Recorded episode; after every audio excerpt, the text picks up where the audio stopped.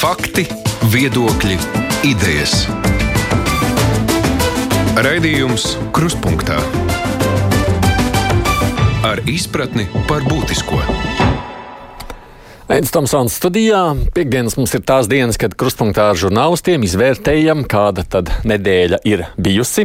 Vienmēr ir notikumi, ko pārunāt. Diemžēl Pandēmijas laikā tie lielākoties saistās ar slimības izplatību. Arī šajā nedēļā ir sasniegti jauni saslimšanas rekordi. Toties ir noticis sen neredzētais rindas pie vakcinācijas centriem. Obligātā vakcinēšanās virknē darba vieta daudziem ir likusi pasteigties vai pārdomāt. Nu, tiesa ne visi gatavi potēties savu protestu pie sājums vakar paudu ugunsdzēsēji. Arī atsevišķās izglītības iestādēs ir satraukums, vai būs kas strādā. Nu, tikmēr valdība vienojusies par nākamā gada budžeta projektu, lai gan ir bažas par pandēmijas ietekmi uz ekonomiku, un tur ir daudz nenoteiktības. Krustpunktā studijā attālināti šodien ir pieslēgusies RTV ziņdienas vadītāja Dana Francis. Sveika, Dana! Labdien! Tāpat tās arī kolēģi Rebaltika žurnālisti Inga Spriņa. Sveiki! Sveiki! Žurnāla dienas biznesa galvenais redaktors Ramāns Mēļņiks. Sveiks, Ramān! Un TV24 žurnālists Kārlis Streips. Sveiks, Kārli! Labdien! Ir jāraizējas, ka nebūs kas strādā glābšanas dienestā, bērnu dārzā, policijā. Kārli, tev nav bažu? Nu, sāksim ar to, ka tie bija tikai daži ugunsdzēsēji. Ugunsdzēsēji, cik es saprotu, ir kaut kur tuvu pie 70%, ja ne vairāk, novakcinējušies. Manā uztverē te ir pavisam vienkārša lieta. Ja tu negribi vakcinēties, tad ej strādā kaut kur citur. Es pieļauju, ka ugunsdzēsības departaments tiks galā. Ja skolās ir problēmas ar skolotājiem, tad es nezinu, ko īsti iesākt. Tur ir problēmas vienmēr bijušas arī bez pandēmijas. Tur vienmēr trūks dažādu skolotāju, dažādiem priekšmetiem. Tā ir, tā ir veca, veca dziesma.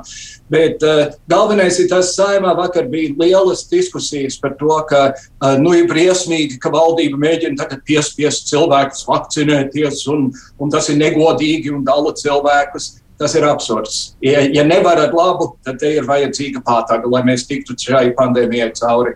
Un tad, tad tas, kas notiek ar pātagu, ir labi. Jā. Romantu tāpat domā.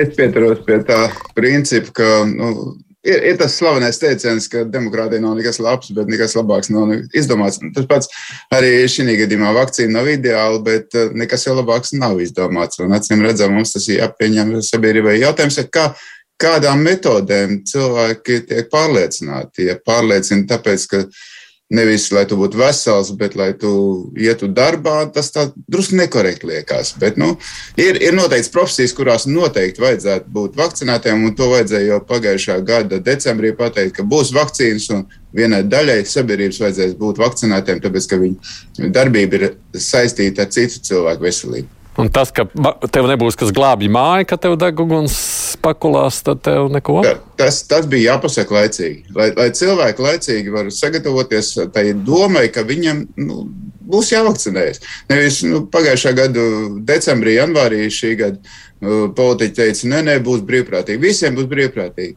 Nu, pienāk augusts, kaut kad sāk runāt par to, ka ne brīvprātīgi nebūs visiem, būs kaut kādai daļai brīvprātīgi. Tas saka, nu, tas negodīgi. Vajadzēja ātrāk jau pateikt. Es, es pieļauju, ka cilvēki jūtās piemānīti. Vienkārši viņiem vajadzēja laicīgi pateikt, jūs, jūs reķinieties, ka noteikta daļai uh, profesijās strādājušiem būs jābūt vakcinētiem. Punkts. Nu, es jau saprotu, Dana, ka viņi vienkārši rēķinājās, ka varbūt izdosies brīvprātīgi. Ne, neizdodas tāpēc, vai ne? 99% brīvprātīgi nav jau cerēt, ka būs. Nu, nu, skaidrs, nu, ka kaut kādā veidā. Viņi nē, bet gribējās vienalga vairāk. Dana, ko sakāt? Man vairāk tā, tā vakardienas piketa piketiņš ar to stringšķinātāju bez muzikālās dzirdes parādīja patiesībā īsto ainu, kāda ir realitāte. Daži attiet un um, pieiet un kaut kā mēģina kaut ko aktivizēt, beigās tas izskatās pļuk. Bet mani vairāk satrauc cits, ka visi dienesti nav apkopojuši, manuprāt, precīzus datus par to, cik tad ir šo cilvēku, kuri nav vakcinēti, kuri varētu nestrādāt, kuriem nebūs tas darbs un ko darīt. Bet tas jau tikai šajā nedēļā arī bija jādara. Realtātē jau tas bija šajā nedēļā, pirmdien bija jāsāk apzināt uh, daļai no profesiju, kur tad nestrādās ugunsdzēsiem, piemēram. Mm. Nu, dienestiem bija zināms iepriekš jau par to, ka būs tomēr kaut kādi nu, ierobežojumi. Bija skaidrs, tas bija zināms. Proaktīva rīcība, saprast, kāds ir plāns, ko tagad darīt. Ja mums trūkst mīnus 10 vai mīnus 300 cilvēku, ko darīt dienestiem, NMPD, eh, policijai, ugunsdzēsējiem. Es nedomāju, ka viņiem ir konkrēts plāns, vai arī viņš nav publiskots. Mm. Nu, vēl jau jautājums ir, protams, viena lieta, ka tev saka, vakcinēsies, tu saki nē. Bet tad, kad pienāk brīdis, kad tev rīt vai parīt jāsaka, vai nu tu sniedz rēķinies ar atlūgumu vai, vai, vai nu, atstādināšanu šajā reizē, vai, vai nē, nu, tad varbūt domas mainās. Grūti jau tā ir izrēķināt dienestam. Nē? Tur jau jāskatās, vai viņiem sanāks tā laika novakcinēties un strādāt. Nu, būs arī principiāli. Ja. Nu, būs, Tad, būs kādi, jā. Tad jāsaprot, tiem dienestiem ir jāstrādā, manuprāt, lai saprastu, lai tiešām nebūtu ugunsgrēks un tur arī sadeg kaķītis. Lai tomēr tas ugunsdzēs aiz, aiz, aizskrien, lai ir ugunsdzēsējs. Inga, ko tu saki par bažām, ka nebūs kas? Nē, es domāju, ka šis viss bija jādara krietni daudz ātrāk, jo bija jau sākotnēji, taču pirms kaut kādiem pāris mēnešiem bija runa par to, ka būs savu konkrētās profesijās, bet to protestu rezultātā tas viss tā kā nomira. Mierīgi nodzīvojām vasarā, doma, krudenī kaut kāds brīnums notiks, un mēs redzam, ka brīnums nenotika. Tā kā nevis pat, eh, kā Romans Mēniks teica, sākumā bija jāpasaka, ka būs obligātās grupas, kurām būs jāvakcinējas. Tas jau bija vienkārši uzreiz jādara, jo šī teikšana, tas, kas man kā, kā es vairāk pētu sociālos mēdījus un tur notiekošās aktivitātes, ir skaidrs, kas man šobrīd ir, ka, ka, ka šīs konkrētās grupas tiek izmantotas. Es pat vairs nerunāju par tiem dezinformatoriem, kas izplata visus šos mītus par to, ka tur vakcīnas ir eksperimentāls un tā tālāk, bet kas jau ir šie cilvēki, kas šobrīd izmanto jau tos cilvēkus un tās vēsmas un kustības un arī tos konkrētos dezinformatorus. Uh, Tāpēc arī man, piemēram, pašai ir interese par to pašu vakardienas ugunsdzēsēju piketu. Es domāju, ugunsdzēsējiem, tā pašā skaitā policija un viss šīs, kā, kas sargā mūs un, un, un, un pasargā, vienmēr saka, ka viņi nevar iet, piemēram, tur piketēt vai streikot, lai viņiem būtu lielākas algas, jo tas ir aizliegts ar likumu un tā tālāk. Bet šeit pēkšņi, šajā gadījumā, cepura nošļes ar priekšā, viņš spēja savākt cilvēkus, kur atnāca un stāvēja pie tās saimnes. Un tāpēc man vairāk pat šajā gadījumā uztrauc, kas ir tie viedokļi līderi šajā gadījumā arī tie ugunsdzēsēji aprindās, kas viņus piero, iedrošināja, pārliecināja.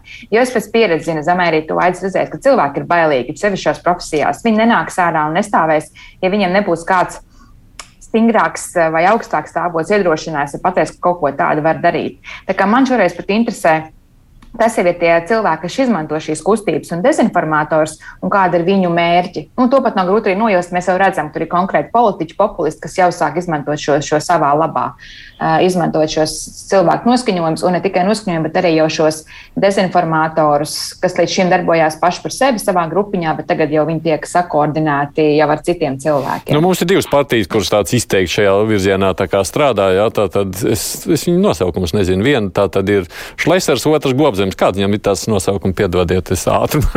likums, likums un kārtība un Latvija pirmajā vietā. Ah, bet... labi, labi. Bet es, es gribētu piebilst, ka tika piesaukta neatliekamā medicīnas eh, šī, šī iestāde ja, iepriekš. Viņa ir pārlādēta. Slimnīcas drīz būs pārlādētas. Slimnīcas šodien paziņoja, ka plānveida ārstniecība atceļ pagaidām. Uh, piesaukt viņus tandēmā ar ugunsdzēsējiem ir loģiski, tāpēc ka abās gadījumos tur ir kaut kas, kas ir sabiedrībai vajadzīgs. Bet mēs nevaram aizmirst visā šajā sarunā, ka pat labi tiek pārlādēta Latvijas veselības aprūpes sistēma. Un tas ir, kur es saskatu vislielāko savtīgumu šajos politikāņos, kuri saka, nevakcinējieties. Tie, kas nevakcinēsies, viena daļa nonāks slimnīcā, kur jau tagad ir pilna, kuras dēļ uh, vecmāmiņa nevarēs tikt pie gūžas operācijas, tāpēc, ka tas tagad ir pilnīgi atlikts. Uh, ziema šajā ziņā, mana, manuprāt, būs briesmīga. Nu, droši vien te vēl jāpiebilst, laikam neatliekamais medicīniskais dienests ne īpaši raizējās par to situāciju, tāpēc, ka tur vairums ir vakcinējušies, cik es dzirdēju no Cipilas kundzes sacīt, atkarībā no reģioniem, vismaz tie mediķi, kas izbrauc, tur ir no 94% līdz 100% at, atkarībā no reģiona. Tur tā problēma laikam nav, vairāk raizējas. Viņiem nav, skatot, viņiem nav problēma par vakcinēšanu, viņiem ir problēma, ka viņiem nav cilvēku, kas strādā, lai apkalpotu sekas tam, ko dara tie paši ugunsdzēsēji, kas vakardien stāv stāvēja, viņi jau rada šobrīd sekas, lai tiem ātrās palīdzības cilvēkiem, jā, ka viņiem vienkārši ir pārāk daudz darba, viņi vienkārši tiek galā ar visiem tiem cilvēkiem, kuriem ir vajadzīga palīdzība. Un tas man liekas arī jau šokējoši, ka ātrās palīdzības vadītājai ir jānāk publiski un jāsaka, iepērciet lūk šādas zāles, esiet gatavi padomāt ar kādu mašīnu, brauciet, ja tiešām būs pēkšņi nepieciešama šī palīdzība. Un es domāju, ka arvien vairāk jau arī tie paši, ko mēs arī redzam pēc tiem antivaksaru un nu, tās kustību noskaņojumiem, ka nav jau vairs ļoti reti, kurš runā, ka nav, ka Covid ir izdomāts, ka tas nepastāv. Tas, kas bija, kas bija reāli vēl pirms gada tikai. Bet šobrīd jau ir daudz cilvēku, arvien vairāk redz apkārt, zina, kādu, kurš ir saslims vai arī jau nomiris. Tā kā ir grūti par kaut ko tādu pārliecināt. Bet tas, kas atkal šobrīd ir tie meli, ko dara šie paši populisti politiķi, ka slimnīcas patiesībā ir tukšas, vai tur patiesībā slimnīcās ir vairāk tieši vakcinētie, nevis nevakcinētie cilvēki, ka šie meli joprojām turpinās. Un es domāju par to pašu, ko Kārlis saka. Nu, es saprotu, tu vari, tu vari melot, man pat gribas teikt, mūldēt, bet padomā par to reāli, ko tas maksā. Tas reāli maksā cilvēku dzīvības un veselību. Ne tikai tie, kas ar covid saslims, bet arī tie, kas šobrīd ar nākamo nedēļu vienkārši nedabūs vairs plānoto veselības aprūpi. Atgriežoties vēl sākotnēji pie tomēr, un labi, bet tajā pašā laikā tās bažas uh, patīk vai nē, melījam vai kādu citu iemeslu dēļ ir kaut kāds dzirdīgs auss, nu tur ir. Mēs dzirdam, cik bērnu dārz kādās no pašvaldībām Rīgā tur pie pārdesmit skaitīja, kuros tur puse varētu nebūtu pedagoģi vakcinēti, un līdz ar to tur nākas pārplānot grupas, meklēt pedagogus un tam līdzīgi. Būs mums problēma arī ar citām grupām, kur nebūs ne tikai kas mediķi, kas brauc strādā, bet nebūs arī kas bērnu pieskata vai nebūs policisti. Vai... Es zinu, kas daudz runāja. Es tikai šo, šo vēl, un tad es, nu, Man patīk, es paklusēšu. Bet paskaties jau šobrīd, cik daudz nenotiek bērniem, piemēram, nodarbības vai pašos dārziņos vai skolās tieši dēļ nevakcinētajiem skolotājiem. Tas gan, tas Mēs gan. intervējām izglītības ministru pirms divām vai trim nedēļām. Bija kaut kāds mēnesis, pirmais no mācību vietas pagājis, un viņi teica, ka karantīnā ir aizsūtītas 800 klases klases, nevis bērnu, 800 klases dēļ skolotājiem. Viņi neprecizēja, neprecizēja konkrēti, cik no tiem bija nevakcinēti, bet, bet karantīnā iet nevakcinētie skolotāji. Vakcinētie paliek klātienē un viņi var turpināt strādāt. Tā kā tas, ka tie skolotāji šobrīd fiziski ir, uz vietas, viņi skaitā štata vienībās, tāpat jau ir ietekmējis to mācību procesu. Un mēs ar Baltiku tikko veicām paši pētījumu par to, kādas sekas jau divus gadus pandēmija ir atstājusi skolēniem. Mūsu skolēni jau divus gadus nav ieguvuši normālu izglītību, un tagad vēl trešo gadu. Atvainojos, sabojāt viņu mācības un arī nākotni līdz ar to pašu. Ir jau pētījumi, kas rāda, ka viņiem būs mazāks darba iespējas, atrast labu darbu, algu samazinājums. Jo šobrīd atkal parādās šīs problēmas, ka turīgākie vecāki var atļauties nolagot privātu skolotājus, kas palīdz tiem bērniem, kamēr ģimenes, kuras to nespēj, atkal tie bērni iekritīs, un viņiem būs grūtāk sasniegt pēc tam kaut kādu labāku dzīves līmeni. Un šobrīd noteikti tāpēc, ka ir pieaugušie, kuriem ir iespēja, viņi var izvēlēties un vakcinēties. Nav kā pirms gada, kad nebija vakcīnas, un nu, mēs visi bijām vienlīdzīgi. Bet tagad šo bērnu nākotnes likteņi jau ir uz šo pieaugušo skolotāju sirdsapziņas, un tāpēc prasība viņiem vakcinēties te ir kausa svars, tava vakcīna, tavs princips, pārliecība vai, es nezinu, muļķības, ko tu salasies sociālajos mēdījos, vai tavs pienākums pret šiem bērniem un jauniešiem, kurus tu māci. Nu, faktiski tas, ko tu saki, pareizi. Es, man sieva strādā bērnu dārzā. Viņa katru dienu tur man stāsta, izmisuma stāsta, ka viņi nevar saprast, kur vēl, ka, kur vēl atrast kādu, kas pieskatīja, ņemās ar to grupu, jo pedagogi jau abi vairs nav. Auklīt arī nevar atrast, piesaist visus speciālos pedagogus un vienalga pietrūkst, kas var vispār kaut ko darīt dārzā, dārziņā, tāpēc, ka, nu, nu, tāpēc, ka visi visu laiku nonāk kaut kādā brīdī. Jā, nav jau kam vairs tos bērnus piestīt arī šobrīd. Laikam jau tur tiešām pēc 15. Es teicu, ka varbūt tad būs vieglāk beidzot. ah. Labi, attiecībā uz rindām savukārt Rīgā rindas ir lielas. Es nezinu, Dana, vai tu zini, kā izskatās citu vietu reģionos arī rindas pie vakcinācijas centriem? Tieši mēs, tieši mēs šodien piefilmējām RTV, tur vairākos reģionos ir, un ir tās rindas ir. Un kas ir interesanti, ka visi žurnālisti sūta, kas salīdzina ar Lidl rindām. Tad, lūk, šobrīd ka pie Lidl ir mazāk nekā uz vakcināciju. Tiešām, jā. Mm. Jā, tā esot vismaz. Rēdzekta sūtīja, Daugavpils sūtīja, Jelgava sūtīja un Valmierā. Mēs redzam visas šīs vietas, kur mums ir gan, gan punkti, ja? gan uh, lielveikals, gan arī, un tur lūk uz vakcināciju ir lielāka jau rinda. Tā kā nu, šajā ziņā kā labā ziņa, bet uh, es, man, piemēram, salikās tā, ka sabiedrība nevis tāpēc, ka viņi tagad saprot, man ir jāvakcinējas, jo es būtu vesels, nekā. Es domāju, ka īstais iemesls ir tāpēc, ka man ir bail, ka es zaudēšu darbu. Respektīvi, svaru kausos es būšu principiālais kurš nekad mūžā neievadīs briesmīgo vakcīnu un neies uz darbu, šie divi svaru kausi tomēr nākuši par labu uh, tam, ka es tomēr gribu strādāt. Es, es esmu, gribu normāli pelnīt, normāli dzīvot. Tā ir zināmā mērā labā ziņa, manuprāt. Tas nozīmē, ka valdības šāda veida pātaga tomēr ir laba, vajadzīga. Jā, tikai ātrāk, kur jau par deltu vai kad jūnijā. Jūnijas, jūlijā stāstīja eksperti, augustā stāstīja eksperti. Viss būs slikti. Kolēģi, valdība attopamies. Septembris pagāja. Mēs esam oktobrī. Halo, krīzes centrs, ne vadības tā padomu sēd. Viņi uh, vienu dienu pārunājās, tad vēl pagaidīja vēl pāris dienas, un tad naktī uz sestdienu, uz sestdienas rītu attapās, pieņēmām lēmumu, un tad ir pirmdiena visiem ir jāņem, jāpieņem kaut kas Tad tagad visi brīnās, Vukts saka, kāpēc jūs lielveikalos liekat šos celtniecības žogus? A, ko darīt, ja nav vispār izcinājuma? Man tagad jārisina. Medmāsas saka, mums ir, vajag, mums ir šitāds un šitāds likums pieņems, ne, bet norma. Man tagad vajag to, to, to, kad lai es svētdienu to nopērku, kad lai es to sagādāju. Respektīvi, tas valdības dabas ir tāds, ka trīs mēnešus visi ķērca. Labi, neņemsim starptautisko pieredzi. Mūsu pašu medicīnas ziedas zinātnieki saka, stāsta. Mm -mm. Mums ir jāpieņem kaut kad oktobrī, uh, agrā rītā, brīvdienā, lai tad tūlīt tagad jau mēs varētu īstenot. Nu, tā ir oh, auza.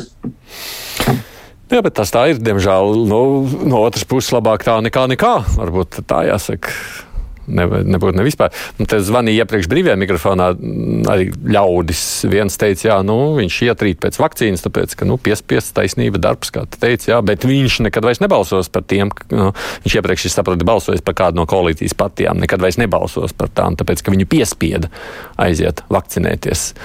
Nu, kādas partijas zaudēs vēlētājus, jūsuprāt, un kur viņi aiziet? Kur aizies tie vēlētāji? Jārēķinās, jārēķinās, ka vēlētāja atmiņa ļoti īsa. Um, būs um, ir dzirdams. Ir dzirdams, labi, esi likās, dzirdams. Droši, droši. Jā, jā. Liekas, vēlētā atmiņa ļoti īsi. Jau nākamā, ja mēs redzam to cikliskumu, ka vasarā tas uh, vīrusu izplatības uh, līmenis strauji nokrītās, jo cilvēki vairs nav telpās un, un attiecīgi, nepārnes to vīrusu tik ļoti kā, kā ziemā. Un, ja nākošais vasara atkal būs atslābums, atkal būs mazāks līmenis, viss būs aizmirsies. Un cilvēki būs laimīgi un pateicīgi tam pašam Kariņam par to, ka viņš ir pārvarējis krīzi. Hmm. Nu, nu, redzēsim. Ko sakāt par vēl vienu lietu, kā mēģina šobrīd pierunāt lielāko riska grupu, kas ir pensionāri? 20 eiro atbalsts par elektrību, es pareizi atminos, tagad piemaksa Kārli. Nu, vismaz. Jā. Tev vēl nedos. Tev ne... es esmu attiecīgajā vecuma grupā. Es gribu teikt. Esmu pensionārs. Man būs pašam jāpieprasa tie 20, ko es vien nedarīšu šajā lietā. Nedarīšu. Es gribu pateikt par visu šo sarunu. Nevienā brīdī es neesmu dzirdējis nedz mūsu juristu valsts prezidentu, nedz mūsu lingvistu premjerministru, nedz mūsu pianistu veselības ministru. Skaidrā valodā pasakām Latvijas tautai, septiņi miljardi dozu šīs potes ir iedurti cilvēku plecos pasaulē. Ja jūs domājat, ka tas ir inde, tas ir eksperimentāls, tas ir nepārbaudīts, septiņi miljardi, tas ir ekvivalents pasaules iedzīvotāju skaitam. Līdz šim ir iedurti un nav bijušas ar to problēmas. Mīļie cilvēki nav tā inde nav tā šļura. Tā ir izstrādāta vakcīna pret slimību. Nu, pat atrada vakcīnu pret malāriju. Pat labi meklē vakcīnu pret HIV vīrusu. Zinātne strādā, ļaujiet zinātnē strādāt, un politikāņi turiet muticiet, ja jums nav nekas prātā. Nē, es jau, ja te nav tikai, es tev varētu nolasīt tūlīt kādu vēstuli, kas man nāk raidījuma laikā, tūlīt pat, ko, ko cilvēki domā, kas ir iekšā vakcīnā. Tā kā tas nav tik vienkārši. Tas, ko tu saki, neuzrunās visas. Man, man, ir, man ir īsa atbilde par to, par, par šo te. Cilvēki baidās par to, kas ir vakcīnā, bet lai palasa tās instrukcijas, nevis tas kas ir tās mm, instrukcijas jā, zālēm, ko viņi lieto. Bieži vien tās parastākās zāles, ko cilvēki lieto, ir ar tik daudz blaknēm, ka vienkārši mm, var saķert galvu, ieraugot tos uzrakstus par visādiem insultu riskiem, vēža riskiem. No, es tev nolasīšu mājas vēstuli, nu, lai tā pavisam īsi, lai mums nav tikai anonīma saruna. Vakcīna tā nav, tā neatbilst definīcijai. Pandēmijas laikā vispār vakcinācija ir aizliegta, jo tā satur novājinātu bacili. Vaca latīņu jeb aizsargpoti ir medikaments, ar kuru veids slimību profilaks. Ikvienam ir tiesības uz savu ķermeni, tiesības izlasīt, kāds ir šķidrums sastāvs un ar GMO kokteili jokus nedrīkst dzīt un eksperimentēt ar bērniem un senioriem un pāriem cilvēkiem. Tas ir noziegums. Es rakstu māju ar konkrētu tādu um, e-pastu. Tā. tā kā, nu, tā mēs saprotam. Šeit... Nu, sakā, šeit, sakī. Šeit ir vēl viena problēma. Mēs runājam par to, kam būtu jāsaka un kā būtu jāsaka, bet problēma ir par to, kur to pasaka. Un ļoti daudz šie cilvēki, kā mēs zinām, viņi netic, eh, viņi neklausās Latvijas rādio, lai gan uzrakstījuši. Bet uh, liela daļa no tiem viņi taču netērē tos valdības nopirktos mēdījus, jo mēs jau tur visu, ko tikai tā valdība grib, sakam, viņi dzīvo sociālajos mēdījos. Un pasak man tagad, mēs varam pateikt, uz, es varu pateikt uzreiz, cik ir konkrēti kaut kādi lielie dezinformātori sociālajos mēdījos, kas, kas ir pamatā šiem visā informācijai, kas izpat. Pasaka man kaut vai vienu tikpat līdzvērtīgu, labi, vienas varētu pateikt, bet vairākus līdzvērtīgus mēdījus. Facebook, piemēram, kas arī izplatītu tādā pašā apjomā vai tikpat efektīvi to informāciju. Tas, kā premjerministrs pasaka panorāmā, varbūt, vai, vai veselības ministrs kaut ko to, ko arī Kārlis tikko minēja, tas ir viens bet mums nav tās informācijas, tur, kur ir tie cilvēki. Ļoti daudz no viņiem ir tieši tajā pašā Facebook, Telegramā ir grūtāk, jo tur ir ļoti atšķirīgi, nu, daudz tie mazie kanāli sadalīti. Bet būtu jau tā informācija jāiet uz turieni, kur ir tie cilvēki, bet mums ar to ir problēma. Un te ir tas, kas arī ir simts reizes izrunāts par to veidu, kā tiek tā informācija piegādāta un kad viņa tiek piegādāta. Par to, ka vakcīnas būs problēmas, zinās pirmās pandēmijas jau beigās, kad mēs arī par to runājām, kad jau dezinformātori runāja, ka, pandē, nu, ka vakcīna, ka Covid kā tāds nav. Bet ne, nebija, mums ir ļoti smagnēji tas viss veids, kā notiek. Mums valstī, mēs uztaisām vienu reklāmas kampaņu, kurai ir iepirkums divus mēnešus, kur izstrādā mēnesi, kur pēc tam palaiž nedēļu vai divas nedēļas, un ar to arī viss beidzas. Man, man patīk tās reklāmas kampaņas, bet tas nestrādā. Tur būtu jāiet tieši tikpat attraktīvi kā tie mūsu, jo tie dezinformatori, viņi ir ļoti harizmātiski. Nu, man, tas, kā viņi dara, ir apbrīnojami, cepuri nost. Un tur būtu jābūt tieši tikpat harizmātiskiem, normāliem cilvēkiem pretī, kas tajā pašā Facebook arī stāstā nu, tādu sakarīgo, patieso informāciju. Nu, tu jau esi Facebookā, nav. bet tu esi Facebookā. Nu, vai tev izdodas? Es neesmu tik bieži, nē, tāpēc nu. ir tur tā problēma. Man būtu jāiet katru vai pārdienu, un te ir tā problēma, ka reizē dezinformatori viņiem izdom, var izdomāt no zila gaisa, un viņi var saražot katru dienu to informāciju. Mēs katru dienu nevaram. Tur vajag ekspertu komandu aizmugurē, kas tev nu, palīdz informāciju sagatavot. Ja es būtu, piemēram, valdībā vai kā, ko es būtu izdarījis, es būtu iedevusi sabiedriskajiem mēdījiem papildus papildus naudu un pateikusi, ka te ir četru cilvēku komanda, kas strādā tikai uz sociālajiem mēdījiem, kas ražotu tikai saturu uz sociālajiem mēdījiem. Jo jūs jau ikdienā saražojat ļoti labu informāciju, tāpat panorāma arī rādio, tikai viņi var attiecīgi iepakot un ielikt tajā Facebook, lai viņi daudz vairāk aizietu un sasniegtu tos cilvēkus kas arī jau būtu ļoti efektīvs un efektīvāk nekā izmaksāt 100 tūkstoši par vienu reklāmas kampaņu. Nu, šobrīd mēs vairs par reklāmām nerunājam, bet 20 eiro palīdzēs Dāna vismaz kaut kādiem lauku cilvēkiem teikt, labi, iešu vakcinēties 20 eiro mēnesī, tomēr klāt naudiņu. Es domāju, ka tie seniori, kur ir izlēmuši, viņi arī izlems un ir izlēmuši un ir devušies vakcinēties. 20 eiro, es domāju, ka šajā gadījumā viņiem vairāk nostrādās, es samaksāšu par, un tad saka uzskaitījums nepieciešamām vajadzībām, nevis ka vakcinēties. Uh, tie šaubīgie pensionāri, ko um, te reģionāli var redzēt, viņiem jau īstenībā ir šaubas par ko. Galvenais stāsts. Vai man tā vakcīna nenodarīs pāri, jo man ir tādas, tādas, tādas, tādas slim, slimības? Jā, slimības, tieši tā. Bet aiziet tas, tas, tas seniors, viņš jau pie tā ģimenes ārsta fiziski gandrīz vairs netiek. Šobrīd ir tā, ka mums ir jāpierakstās, lai pie ģimenes ārsta mums jāgaida mm, dienas, ja ne vairāk. Ko tas seniors saprot? 20 eiro dabūšu, nopirkšu to, kas man ir vajadzīgs, netieku pie ārsta un neko. Līdz ar to viņš nesaņem to pamatinformāciju, kāpēc man ir droši vakcinēties. Rezultātā viņš arī sēž mājās, nopircis to, kas viņam ir vajadzīgs, klāt par tiem 20 eiro, samaksājis vēl kaut ko klāt par rēķiniem. Viss. Un tā problēma ir tajā, ka viņiem jau nav sasniedzamība līdz īstam mediķim. Savukārt otra pensionāra ielā sarunājoties, saka tieši to pašu.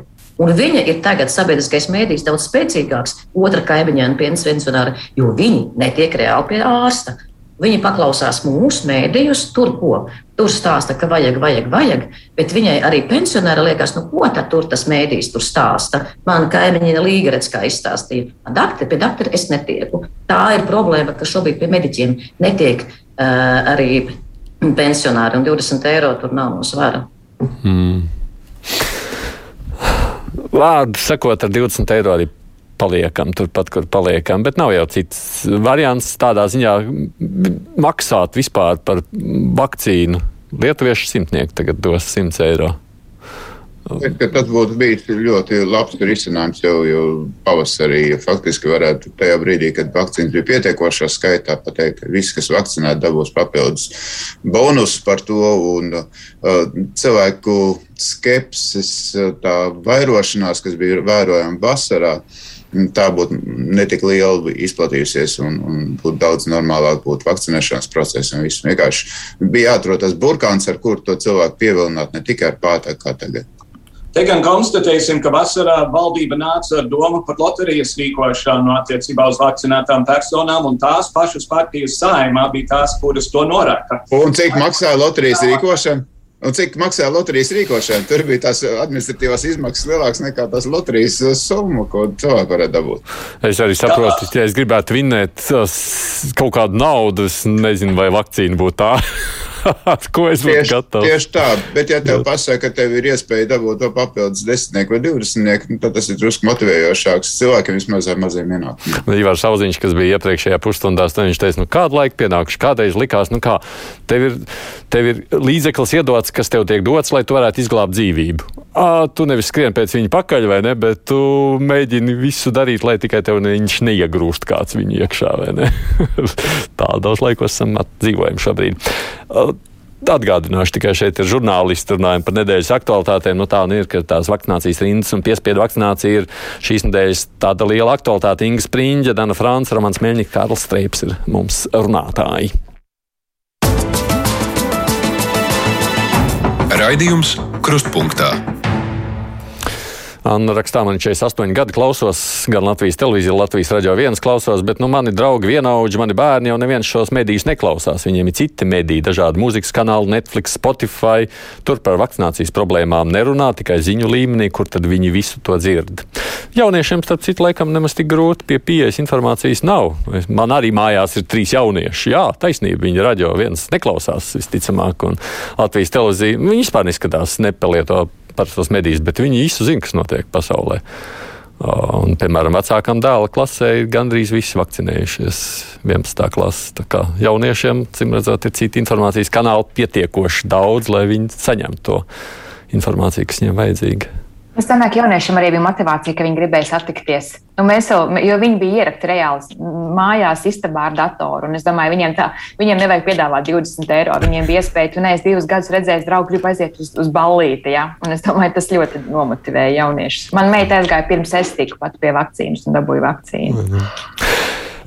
Runājot savukārt vēl par citām tādām aktualitātēm ap šo ekspertu grupu, kas pirmdien paziņoja, ka viņi vairs nesadarbosies ar valdību, tāpēc ka viņi nespēja tur nu, sameklēt kopīgo saprašanos. Kā jūs uztvērāt šo ziņu romānu, kā tu to saklausīji? Ja tu piesaisti ekspertu, ja tu prasi viņam padomu, ja tu viņu uzskati par nu, gudru, gan lai viņš skaitītos eksperts un padomu devējs, nu, tad bija šī ieklausies. Nu, eksperti bija piedāvājuši diezgan uh, radikālāku risinājumu, varbūt tas efektīvāku risinājumu. Viņi paši konstatēja, ka viņos varbūt paklausās, bet viņas neņem vērā. Nu, nu skaidrs, tāpēc, kā mēs te vispār nākam, kaut ko domājam. Nu, tā ir tāda loģiska reakcija, un uh, es domāju, ka tas ir tāds nu, vēl viens apliecinājums, ka notiek lēmumu pieņemšana subjektīvi, nevis uh, racionāli. Jā, jā Dan. Es arī gribēju ierauties ēterā to, ka es te paskatījos. Mums saimā šobrīd ir divi deputāti ar vidusskolas izglītību. Mums ir ministru kabinetā uh, ministri, kuriem teiksim, augstāku izglītību prasīja nu, daži vairāki gadi. Tikmēr eksperti, mediķi vien, Viņi pavada 11 gadus uh, studējot. Uh, zinātnieki pavada 11 gadus studējot, mācoties un joprojām apgūstot. Neieklausīties vidusskolēnam vai dažus uh, gadu laikā iegūstot augstāko izglītības dokumentu, neieklausīties šādos ekspertos, man liekas, ka tas tomēr ir nu, mazliet parāda mūsu valsts pārvaldes tādu neloģisku augstprātību, nepamatotu augstprātību. Hmm. Citi? Kārli, ko tu domā? Nu, es, es no savas puses gribu teikt, pilnīgi piekrītot tam, ko teica Dana. Jo ir fakts, ka tagad jau mēnešiem ilgi katrā ministru kabineta sēdē ir sadaļa, kurā eksperti nāk un stāsta par epidemioloģisko situāciju, par vakcīnām, par slimnīcu pārslodzi un visu pārējo. Un tad viņiem tiek pateikts paldies, un valdība nedara neko. Un manā uztverē šī ārkārtas situācija ir ļoti lielā mērā darbības imitācija, tāpēc, ka nav padomāts par nevienu, nevienu sīkumu šajā visā procesā, sākot ar to, kas kontrolēs sabiedriskajā transportā. Neviens nekontrolē valdības noteikumu par to, cik tur cilvēki var atrasties. Kā mazajos veikalos tagad tiks kontrolēts tas, vai, vai ir tas certifikāts vai nav, vai tie to var atļauties. Cik prātīgi bija 1. septembrī atvērt visas skolas un pateikt, mēs būsim klātienē, ne lai, lai plūst vai plīst, bet mēs būsim klātienē. Un kā Inga teica, 800 klases pat labi ir, ir, ir karantīnā, tāpēc ka vīruss nesaprot, ko politiķi dara. Vīruss ne, ne, ne, skāpsies no skolām, tāpēc, ka kāds ir izdomājis, ka skolās tagad būs droši. Bet pēdējais, ko es par to gribu pateikt, šonadēļ Amerikas zāļu aģentūra gandrīz noteikti apstiprinās vienas no tām vakcīnu, vienās, vienu no tām vakcīnām bērniem no 5 līdz, eh, līdz 11, kas ir, ir palikušais vecums Amerikā. Mums ir jāskatās arī uz to, kurā brīdī Eiropā tiks, eh, tiks ļauta bērnu vakcinācija, jo Delta variants, Delta variants ir ļoti bīstams jauniešiem, un arī tas ir ļoti izmisīgi nepieciešams. Es ceru, ka tas būs drīz. Mm. Ingūna, ko komentēt tev par šo ekspertiem? Es savukārt saprotu, ka tas jautājums ir nevis par to, kas te noticis pēdējās nedēļas laikā, bet tieši visu to ilgstošajā periodā, kad tā nesaprašanās starp ekspertiem un valdību ir ir uzpl, nu, uzkrājusies. Jā, Faktiski jau cilvēki, eksperti jau arī rosināja laicīgi visus ierobežojumus pieņemt, kaut kādu aktīvu rīcību uzsākt, lai varētu nepieļaut to līmeni, kas ir šobrīd. Šobrīd ir dramatiski nokavēts viss. Man šķiet, ka arī problēma šajā gadījumā nevis tikai eh, mēs nodalām eksperti un valdību, bet liela problēma ir nesaskaņas pašā valdībā. Nu, ir tā, ka tiešām beigās lēmumi tiek pieņemti ilgi, ilgi, ilgi, un tad beidzot viņi pieņem, tad intervē katru ministru ārpusē, un katrs ministrs saka, nu jā, mēs pieņēmām, bet es jau tā nedomāju, es domāju vēl kaut ko citu. Līdz ar to arī tas vēstījums tiek aiznests sabiedrībai, nu, ka jūs jau paši neziniet, ko jūs tur dariet. Nu, tad tiešām vajadzētu, ka tur dzemdē, dzemdē pieņem to sāpīgo lēmumu, un tad arī tu turies pie tā. Tu nevari nākt ārā un teikt, es jau nu, tā gluži nedomāju, bet nu, tāpēc, nu, tas ir komandas darbs, ir jābūt vienotiem. Un man ļoti vakardien nepatika, man vienalga īsti, kurš to nopludināja vai kā, bet tas video, kas šobrīd eh, ļoti daudz sociālajos mēdījos, kur Kariņš ciet un, un, un eh, Pavļots spēlē pie klavierēm. Nu, es domāju, ja jūs arī sākat jau ar tādām metodēm paši iekšēji cīnīties un apkarot viens otru. Un, Nu, tas ir pēdējais, ko šajā visā vajadzēja. Nu, ir, es vienmēr esmu, mēs esam bijuši kritiski, ka tautas partija bija runāja par varas disciplīnu, kur viens no vadošais pateica, kā visiem ir jābalso, kas arī nav, kas ir galējība un nav labi. Bet tas, kā šobrīd, ka viņi paši savā starpā nespēja pieņemt tos lēmumus, nu, tas vēl vairāk to visu mm, rada to neusticēšanos. Tad, okay, ja pat nepierītām ekspertiem, tad pasakiet, kāpēc mēs pieņēmām šādu lēmumu un visi stāv pie tā lēmuma, ne, nepaužot. Es jau patiesībā domāju citādāk. Jā, bet kurš būs tik drosmīgs pateikt, ka īstenībā pēc gada ir saimnes vēlēšanas, un ka patiesībā tas ir viss ļoti cieši saistīts. Piemēram, tas, ka ekonomikas ministra stāv rinda ar iesaistītajiem tirzniecības veikali un vispārējā nozara stāv rinda un klauvē un saka, klausies, viss būs slikti. Viņam ir jāizstāv sava nozara, līdzīgi citas nozares. Vai, piemēram, tā mediķu sosija. Mm, es uh, uzskatu, ka viņiem to vajadzēja darīt. Viņi tiešām stāstīja, cik tas ir uh, dramatiski tā situācija. Taču tas, ka tas notika ļoti vienā laikā, um, kompakti, konkrētas personas ar spēcīgiem viedokļiem, uh, visos mēdījos, man sāka likties, ka varbūt es pieļauju, ka tas vispār ir kāds, nu, teiksim, PR cilvēka, gudra cilvēka vadīts process. Un, ja kāds vada šo procesu, lai it kā sadzirdētu tiešām sabiedrība. Man sāk likties, ka tomēr vienalga tuvojas saimnes vēlēšanas, un kāds pēc gada atparādīs, lūk, šī valdība vārds uzvārds partija tāda, nespēja šo izdarīt, un lūdzu atgādinam citātus, redz, kā mediķi kliedza, redz, kā valdība neizdarīja. Es domāju, ka ļoti daudz, kas šobrīd valdībā noris, ir ļoti cieši saistīts ar to, ka pēc gada ir vēlēšanas.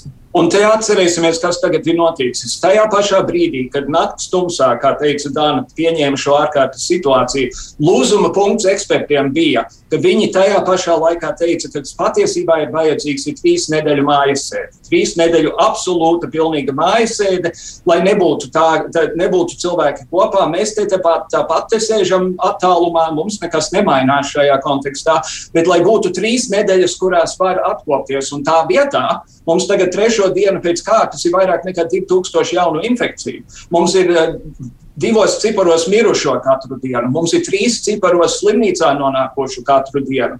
Tā, tā, tā, tā bija no manā uztverē no valdības, tā bija vienkārši gandrīz vai noziedzīga bezatbildība. To, nu, es šo diskusiju neaizsākšu, jo te mēs varētu aiziet uh, diskusijā, kas varbūt arī nav īsti vairs žurnālistu diskusija, bet uh, savukārt Ingas pieminētās klavieru spēlēšanu, kur Kariņš dzieda un Pauļots spēlē klavierus, ja klausītāji nezina, tad tāds video šobrīd cirkulē internetā. Uh, viņš tur rauj šlāgrīt vaļā. Viņam labi izskatās, starp citu, viņš tur tādā fraciņā uh, smuki dzied, pārējie tur priecājās koalīcija, bet es saprotu, tas video ir taps vēl pirms, vai ne visām mājasēdēm. Tas, tas ir tas nav jauns video, tas ir vecs video, kas iet apkārt. Jums ir skaidrs, tā es nesapratu, tad tas ir tā kā apzināti nopludināts, lai diskreditētu viens otru. Man, man, man arī nav. Jūs kāds zināt tā video nokļūšanas publiskajā telpā vēsturi? Bet tu, tu esi ievērojis, kas tur ir uh, pulcējušies tajā pasākumā. Attīstībai ir pārējā tomēr... vienotība, man liekas, nu, vēl. Protams, tā tad nu, no viņiem arī nāca tas viss, jo galu galā, nu, kāds tur pie tam bija ļoti labi redzams, ka visi filmē, visi pēc kārtas priecājās un filmē visu šo te savu uh, jauko pasākumu. Un, un attiecīgi, nu, tas skaidrs, ka, jā, piekrīt, ir priekšvēlēšana laiks jau sācies un ir katrai partijai jārūpējas par savu reitingu un tagad ir ļoti, ļoti asi. Jo tas, ko mēs redzam arī pēc valdības sēdēm, iznāk ārā ministri, viens otrs premjerministrs saka, tas, ko mēs varējām vienoties, ir tas gala rezultāts. Tad nu, faktiski nevis tas, kas bija jāpieņem, kas bija racionālākais, labākais, ko mēs varējām atrast risinājumu, bet ko, par ko mēs varējām vienoties. Un tad notiek karš karš partijas starpā par to, kura labāk izskatīsies. No otras, no otras puses, es nezinu, man, es tur pat neko tādā ziņā kompromitējošu neredzu. Nu, man liekas, premjeram tīri labi balsis klausījās. Es nezināju, ka viņš tik labi dzied. Skaisti. Pas, es nesaprotu, pa ko tur vajadzētu tā kā. Te, te, ir stāsts, te ir stāsts arī par Balto flīģeli, ko valsts prezidenta kancelē vajadzēja atteikties pirkt. Uh, viņi nezina, kāpēc viņi tagad gribēja par pasākumiem iegādāties. Nu, pasākumu, liekas, es nezinu, kāda vēl būs kāda pasākuma, kuros mēs varētu piedalīties. Uh, prezidents saslimšana, tāpat tās ir nu, labi, jā, bet, nu, konkrēts konteksts. Ne, tas, ka tur Levits pērk vai gribēja pirkt flīģeli, nu, vai viņš vai viņa kancelē, tam jau tā kā ar priekšvēlēšanām un tīpaši ar Kariņu vai Pavļotu, nu, ļoti grūti sasaistāms. Jā, bet, nu, bet, bet tematiski viņš ir sasaistāms. Tas pat flīģels. Nākamgad būs satversmes simtgadi. Tas ir konteksts, kurā gribēja pirkt eh, jaunās jaunās klavieres, jo, jo prezidenta kanclere grib rīkot visādus pasākumus Rīgas pilī saistībā ar satversmes simtgadi. Pašreizējās klavieres, cik es saprotu, ir simts gadus vecas un morāli novecojušas, ja tā, ja tā var teikt. Bet viena ātra piezīme par to, ka nāk priekšvēlēšana laiks. Tas bija uzskatāmi redzams šodienas saimas sēdē, kur tika apspriests pirmajā lasījumā valsts budžets, kur drīkst runāt viens deputāts pār un viens pret un viss pirms nodot komisijām. Viens, kas runāja par, bija Zaka Tīstovs, viens, kas runāja pretī Gobzems, kas ir atgriezies pēc sešu nedēļu pauzes. Tas nozīmē, ka tur bija populisms gan runājot par, gan runājot pret. Tur būs baigā, baigā karošana uz otro un trešo lasījumu, bet pilnīgi noteikti priekšvēlēšanu sezona ir sākusies un populisms sitīs augstu vilni. Tu gribēji kaut ko Inga teikt? Es norādu, aizmirsu jau, ko gribēju teikt. Nē, es domāju par to, ka, tur, ka tu saki, ka tas jau nekas nav, ka tur kādreiz un spēlē, bet nu, tas jau, kā jebkurā propa, propagandas materiālā, tur ir ieliec iekšā tā kā patiesība un iegriez viņu tā, kā vajag. Nu, paskaties, Gobzems jau ir salīdz visos savos sociālajos mēdījos. Cilvēkiem jau neinteresē, kāds bija konteksts un kā tā ir ļoti veiksmīga manipulācija, kā to pēc tam var iegriezt. Nu, muļķīgi tie cilvēki to izdarīja, bet tas, kas to darīja, ja tas bija apzināti ļaunprātīgi, tas mērķis ļoti labi ir izdevies. Es droši vien labāk Kārlis zina. Es tā, kad skatos Obama, kā viņš, ko viņš nav darījis, vai ne, tā, ka viņš bija pre, prezidents ASV, viņš tur gan dziedāja, gan, nu, tas taču nevienam nelikās, tas likās viss ļoti normāli, ne? Putins jau arī spēlēs klavierus, bet viņš nedarīja to pandēmijas Putins. laikā kopā ar veselības Nē, nu šis ministru. jau pat laikam nav pandēmijas laikā, šis ir pirms pandēmijas, viņš vienkārši tagad. Bet tam nebūs nozīmes, ka tas ir piedod kā restorāns. Bet tam nav nozīmes, tas bija pirms pandēmijas. To cilvēku nezinās, neatcerēsies. Svarīgi, ka tas ir šobrīd palaists. Nu, nu nezinu, Kārli. Prezidenta Obamas jautājums nebija pandēmija. Prezidenta Obamas jautājums bija tas, ka kongresu kontrolēja republikāņi, kuri bloķēja pilnīgi visu, ko viņš gribēja darīt. Īpaši pēc 2014. gada, kad senātu, senātu arī paņēma republikāņi. Viņi atteicās apstiprināt augstākās tiesas tiesnes un tā tālāk. No, nu, Obama vienkārši nolēma, viņš ies pie tautas. Viņš bija ar Galifanakis tajā divu palmu raidījumā, kas ir, ir jocīgs. Viņš gāja visos varētu raidījumos, ne jau pats dziedāja un dejoja, bet viņš gāja un runāja un stāstīja un, un gāja pie tautas. Uh, tas ir kaut kas, ko man liekas, mūsu politiķi īpaši nemāk iet pie tautas tādā sirsnīgā veidā. Uzdziedāt ielā. Jā. Jā, bet es te ielauzīšos, un nu, patām ir atsūtīta fotografija, kur pie stradiņiem ir 13, 12 mašīnas stāv, ja, un cilvēki netiek iekšā. Kamēr, kamēr mēs valdība nepieņems konkrētus lēmumus, vēl stingrākus. Mums ir šis viss draud arī ar to, ka tie cilvēki, kuri slimnīcās netiks kā plānotie, tas viss beigsies, ka pēc tam vasarā tāda pati situācija būs slimnīcās, jo viņi būs jāizārstē tie, kur tagad vēl vairāk ielaiž. Tā, tā situācija ir. Tas nu, tieši, tieši šobrīd tā bilde kaut kur tagad tikko nesen uzņemta. Jā, tā. jā, jā, man nu pat tā kolēģi, jā, nu pat, nu pat kolēģi atsūtīja mm. no stradiņiem pašreiz pie uzņemšanas nodaļas no rinda. 12 līdz 13 mašīnas mm. stāv rindā, un tur stāv uh, cilvēki, kuriem ir slimi, kuriem vajag tagad ja, uh, palīdzību. No Daugāpils šodien man ziņo kolēģi arī ka jau var vaļā moduļus, tā saucamos Daugopils slimnīcā. Mums būs stāsts šodien redē.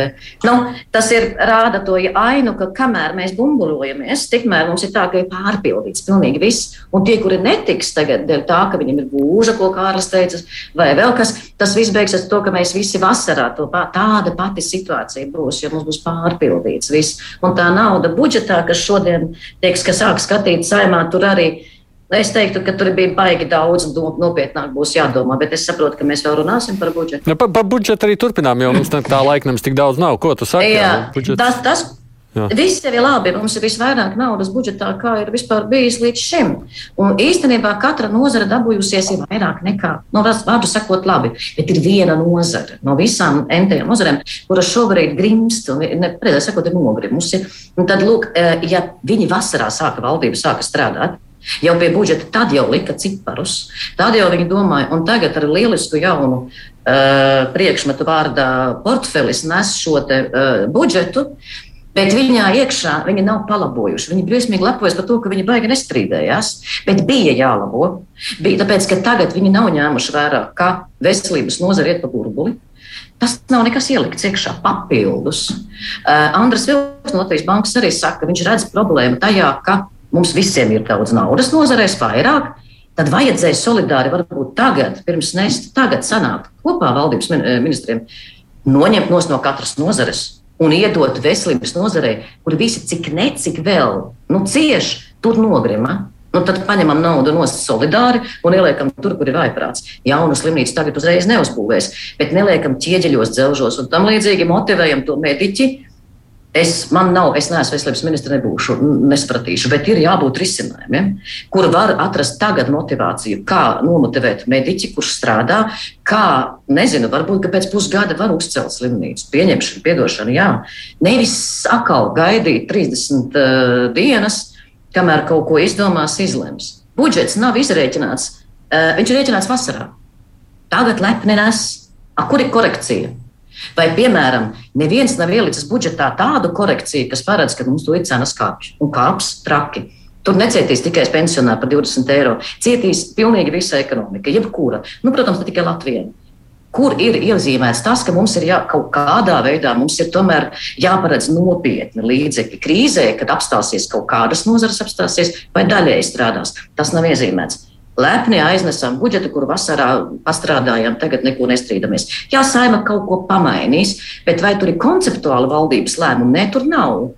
Veselības nozara grimst, nekas nav. Tieši tas pats ar ekonomiku. Akal nekas nav. Uh, elektrības un viss tās patēriņa cenu pārmaiņas. Akal nav. Mēs izjutīsim ļoti nopietnas problēmas, protams, visā Eiropā, kas iekļausies nākamajā gadā un turpmāk. Ingas tajā es lasu pretrunīgas emocijas. Es, Nē, es, tieši, es gribēju tieši to visu laiku, es, es, es gribēju pateikt tieši par to pašu, pirms mēs runājam par vakcinēšanos un par to, vai 15. novembra būs tie vai nē. Bet tūlīt sāksies vēl, un, un, un Dāna savukārt runāja par nākamo vasaru un par mediķu slimnīcu veselības aprūpas krīzi, bet mums tepat jau ir sākusies jaunā krīze par apkuras cenām un, un elektrības cenām, kas ietekmēs gan biznesu, gan arī reāli ļoti daudzas ģimenes eh, patieši, nu. Un es, piemēram, arī mēs domājam, varbūt kaut kā šo tēmu arī pētīt un analizēt. Un es uzrunāju ekonomikas ministriju, nu, vai veikt kaut kādu aprēķinu, cik būs tās iedzīvotāju grupas, kurām varētu būt kaut kāda nabadzība, būs vajadzīga kaut kāda palīdzība. Un es runāju tikai ar preses pārstāvu, bet viņi bija neizpratnē par mani jautājumu. Nu, kad, jo esot lemts par, tām, par to specifisko grupu, jau kuru zināms, ka iedos naudu. 10, 10 eiro vairāk par, par elektrības patēriņu. Jā, kā, jā, kā sauc daudz bērniem. Jā, šiem jā. cilvēkiem. Super. Un tad viņi prasīja, kā mēs, kā mēs esam aprēķināti par pārējiem. No, no, no ministrijas pārstāvja izbrīna, kas prasa kaut ko tādu. Es domāju, nu, varbūt sākam ar to, ka aprēķinām, cik mums, piemēram, Latvijā ir mājas, kuras tiek kurināts ar gāzi. Jo zināms, taču gāzes cena kāps, un viņi jau ir uzkāpus, protams. Un varbūt pat, ja nedod visiem palīdzību, tik un tā, lai apzinātu sabiedrībā notiekošo, cik daudz ģimenes tiks skarts, kādas, kādas varētu būt, nu, kaut kāda, taču tā ir ekonomiska kaut kādas modeļas. Plus ražošana, plus ražošana visā. Paredz, jā, un visi biznesi, kas ietekmēsies, tā kā, es domāju, šobrīd vakcīnas daudz vai maz, es domāju, tagad novakcinēsies dēļ šī brīv, piespiedu brīvprātīgā kārtā, bet mums ir jau šī nākamā tēma, ko arī, es domāju, arī analizējot dezinformāciju, šis būs noteikti nākamais films, kas nāk šim visam pa virsu. Un tāpēc man arī jautājums par budžetu. Es tagad arī virspusē paskatījos tās relīzes, kas ir izplatītas. Es arī neredzu, ka tur būtu kaut kāda aprēķina, kā mēs šo kompensēsim vai palīdzēsim. Un tas skars ļoti daudz cilvēkus. Mm. Šajā kontekstā viens, kas ir jākonstatē konkrēti attiecībā uz veselības nozari, ir, ka tur ir Eiropas nauda plašākā pandēmijas seku likvidēšanas jautājumā. Vai tas notiek līdz tik zēmu, lai būtu ietekmētas konkrēti mediķu algas? To es nezinu, bet tur ir, tur ir šī papildu nauda. Bet viens, ko es zinu par šo budžetu, tāpēc, ka par to ir rakstīts visos portālos pēc kārtas, un valdība ir dikti, dikti pārliecinājusies, ka mēs to visi zināsim, ir, ka 1. janvārī ne, neapliekamais minimums tiks pacelts uz 350 eiro, un 1. jūlijā tas tiks pacelts uz 500 eiro. Redz, cik mēs devīgi, redz, cik mēs pretim nākoši. Ravāni, izsakies, tu ko domā par budžetu? Jā, te, te, ir, te ir vairāk faktori. Te ir inflācija jāņem vērā, kas, kas joprojām pieauguši. Te ir uh, sadarbinājums, kas skars tiešām visus transportu, ražošanu, visus pakalpojumus, um, kas, kas um, biznesu un, un, un iedzīvotājs. Te ir jautājums par racionālu izmantošanu, finanšu, pieejamo finanšu līdzekļu racionālu izmantošanu. Piemēram, tāpat veselības aprūpe, kur ir kā, nu, visu laiku trūks naudas un grimsts un tā tālāk. Nu, ja es skatos, kā tiek organizēta Covid ārstēšana, man tas atsauc atmiņā 90. gadu sākumu, kad daudz dzīvokļu mājām katram pa logu ārā bija skurstenis, un tā, tad godmeni krāsnīs kurināja. Katrs bija kurinātājs, katrs rūpēja savu malku. Totāli neefektīvi, totāli dārgi kopumā ņemot. Bet, nu, ko, ko varēja to darīt. Kāpēc, kāpēc mums ir tā, ka katrā mazā slimnīcā tagad jātaisa ir uz, uz esošo slimnieku rēķina Covid nodeļas, kas, protams, prasa lielākas platības, lielāks, tā, lielāks resursus, lielāku aprīkojumu, papildus speciālistu, un tad vēl žēlojās slimnīcas vadītāji, ka nav speciālisti. Un kāpēc nevar kaut vai tuberkulozes plaušu centrālu uztaisīt divus, trīs, četrus stāvus tikai Covid slimnieks un viss no visas Latvijas? Tur jau nepietiks, nepietiks, nepietiks, tur ne tuvu nepietiks. Tas, ne, tur jau ir, jau, tur jau arī vēd, jau, tur jau jā, arī vēd, uz sauriešiem jau vēd.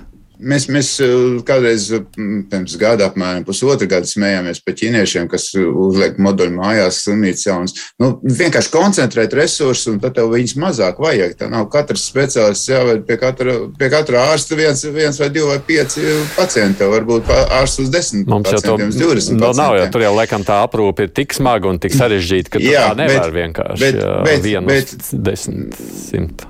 Labi, bet ja tas būtu koncentrēts, tad jebkurā gadījumā nevajadzētu slēgt tās nodaļas, kas ir šobrīd paredzētas to cilvēku ārstēšanai, kam ir cits skaits. Mēs varētu, ja viņam nav covid, tad viņu ārstēt normālā veidā un nemirst cilvēki no tām kaitēm, kurām ir iespējama ārstēšana.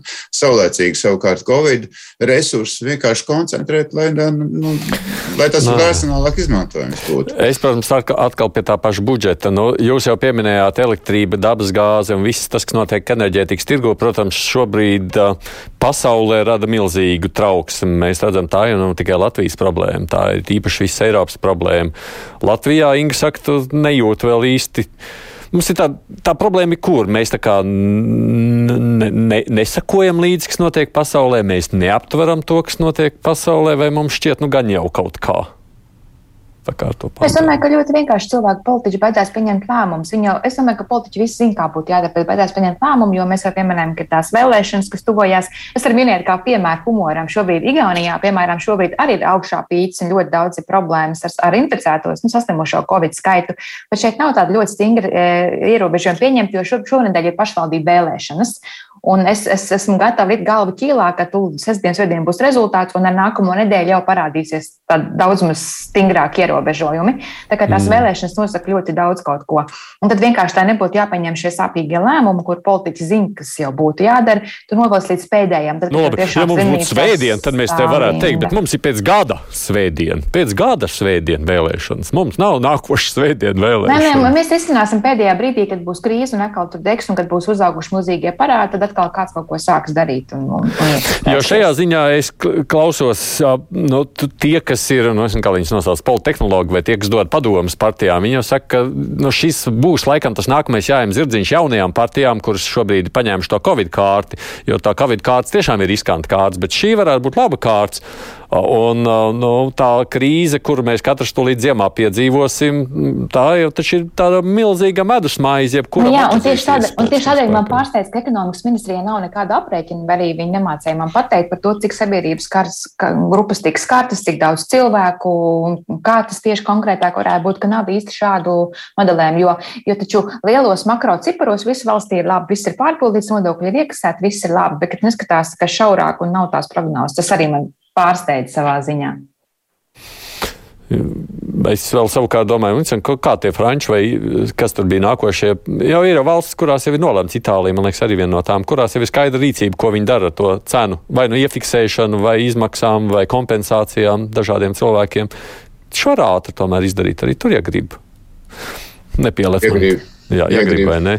Mums vispār pandēmijas ietekme pabeidzot to budžetu. Man ir pāris minūtes, tāpēc neko jaunu nesākšu. Uh, vispār ir aprēķinām, ko tas maksās nākamā gada budžetā. Jūsuprāt, tur nebūs vēl baigie grozījumi jābeidz jebkurā gadījumā? Finanšu ministrija šobrīd saka, laikam mēģina aprēķināt šis, šis, šie jaunie šā brīža ierobežojumi, kas ir uzlikti. Bet uh, es atkal citam pētījumam arī runāju ar finanšu ministriju un prasīju, nu, lai man pasaka, piemēram, sabiedrības grupas vai nozares grupas, kuras tika skartas jau līdz šim, kur ir zuduši šie ienākumi, kāpēc cilvēki ir tik nikni neapmierināti. Bet nu, tā atbilde ir, ka mēs kā ministrija skatāmies makro valsts līmenī, un tāpēc tā kā, varbūt prasiet tam vai tam, vai mēģiniet tur dabūt datus. Nu, mm. kaut kā Nezinu, laikam tiešām, kad, kad ir pēdējais brīdis un sāpīgi, tad kaut kā varbūt uz to iedziļinās. Nu, man tāds priekšstats ir radies šobrīd no tā, cik es pat esmu mēģinājis dabūt kaut kādu informāciju sīkāk un specifiskāk. Hmm. Bet mums nevajag baidīties. Galu galā budžetā ir rindiņa, kas ir ar nosaukumu līdzekļi neparedzētiem gadījumiem, kurus var lietot paredzētiem gadījumiem, neparedzētajiem gadījumiem un visiem pārējiem gadījumiem. Varbūt šajā gadījumā arī būs laba, laba lieta no tiem populistiem, jo ir zināms, ka viņam mierā neliksies un viņš šo izmantos. Tā kā es domāju, ka varbūt, ja valdība, ja koalīcija esošās partijas grib tikt pārvēlētas, tad tām arī būs kaut kas jādara, jo viņi zina, ka viņš visu laiku sitīs no otras puses par šo un bakstīs viņiem acīs. Es vēl pie nedēļas notikumiem pierakstīju, vēl ierakstīju, nu, saslimušais prezidents. Bet tur laikam nav ko runāt, ko mēs viņam vēlēt veselību. Varētu parunāt, kādā veidā viņš saslima. Viņš ievēroja visas epidemioloģiskās prasības, kas tiek prasītas cilvēkiem parastajiem, kur tiek vainot cilvēki par to, ka viņi ir neuzmanīgi, ka saslims, vai, vai, vai mūsu gods, prāts un sirdsapziņa ir tikpat nepaklausīgi. Nu, es jau nezinu, kādas prasības tur ir Zviedrijā, no kurienes viņš laikam atved to mantu. Bet lūdzu, lūdzu, lūdzu, netaisīsim valstisku jautājumu par to, ka vakcinētais prezidents ir inficēts. Viņš nav slimnīcā, viņš nav ļoti slims, viņš šodien strādā. Lūdzu, netaisīsim to kā piemēru visai sabiedrībai. Cerams, jā. Viņš gan esot aizsūtījis arī karantīnā Somijas prezidentu tagad ar to. Uzēd kopā brokastis tagad. Valsts vīriem arī jāuzmanās. Es saku, kolēģi, paldies jums par uh, interesanto sarunu. Dana Francija, Inga Spriņķa, Karls Streips, Romāns Miļņiks bija šeit. Procentiem jūnām studijā bija šeit šodien Esaidis Tomsons.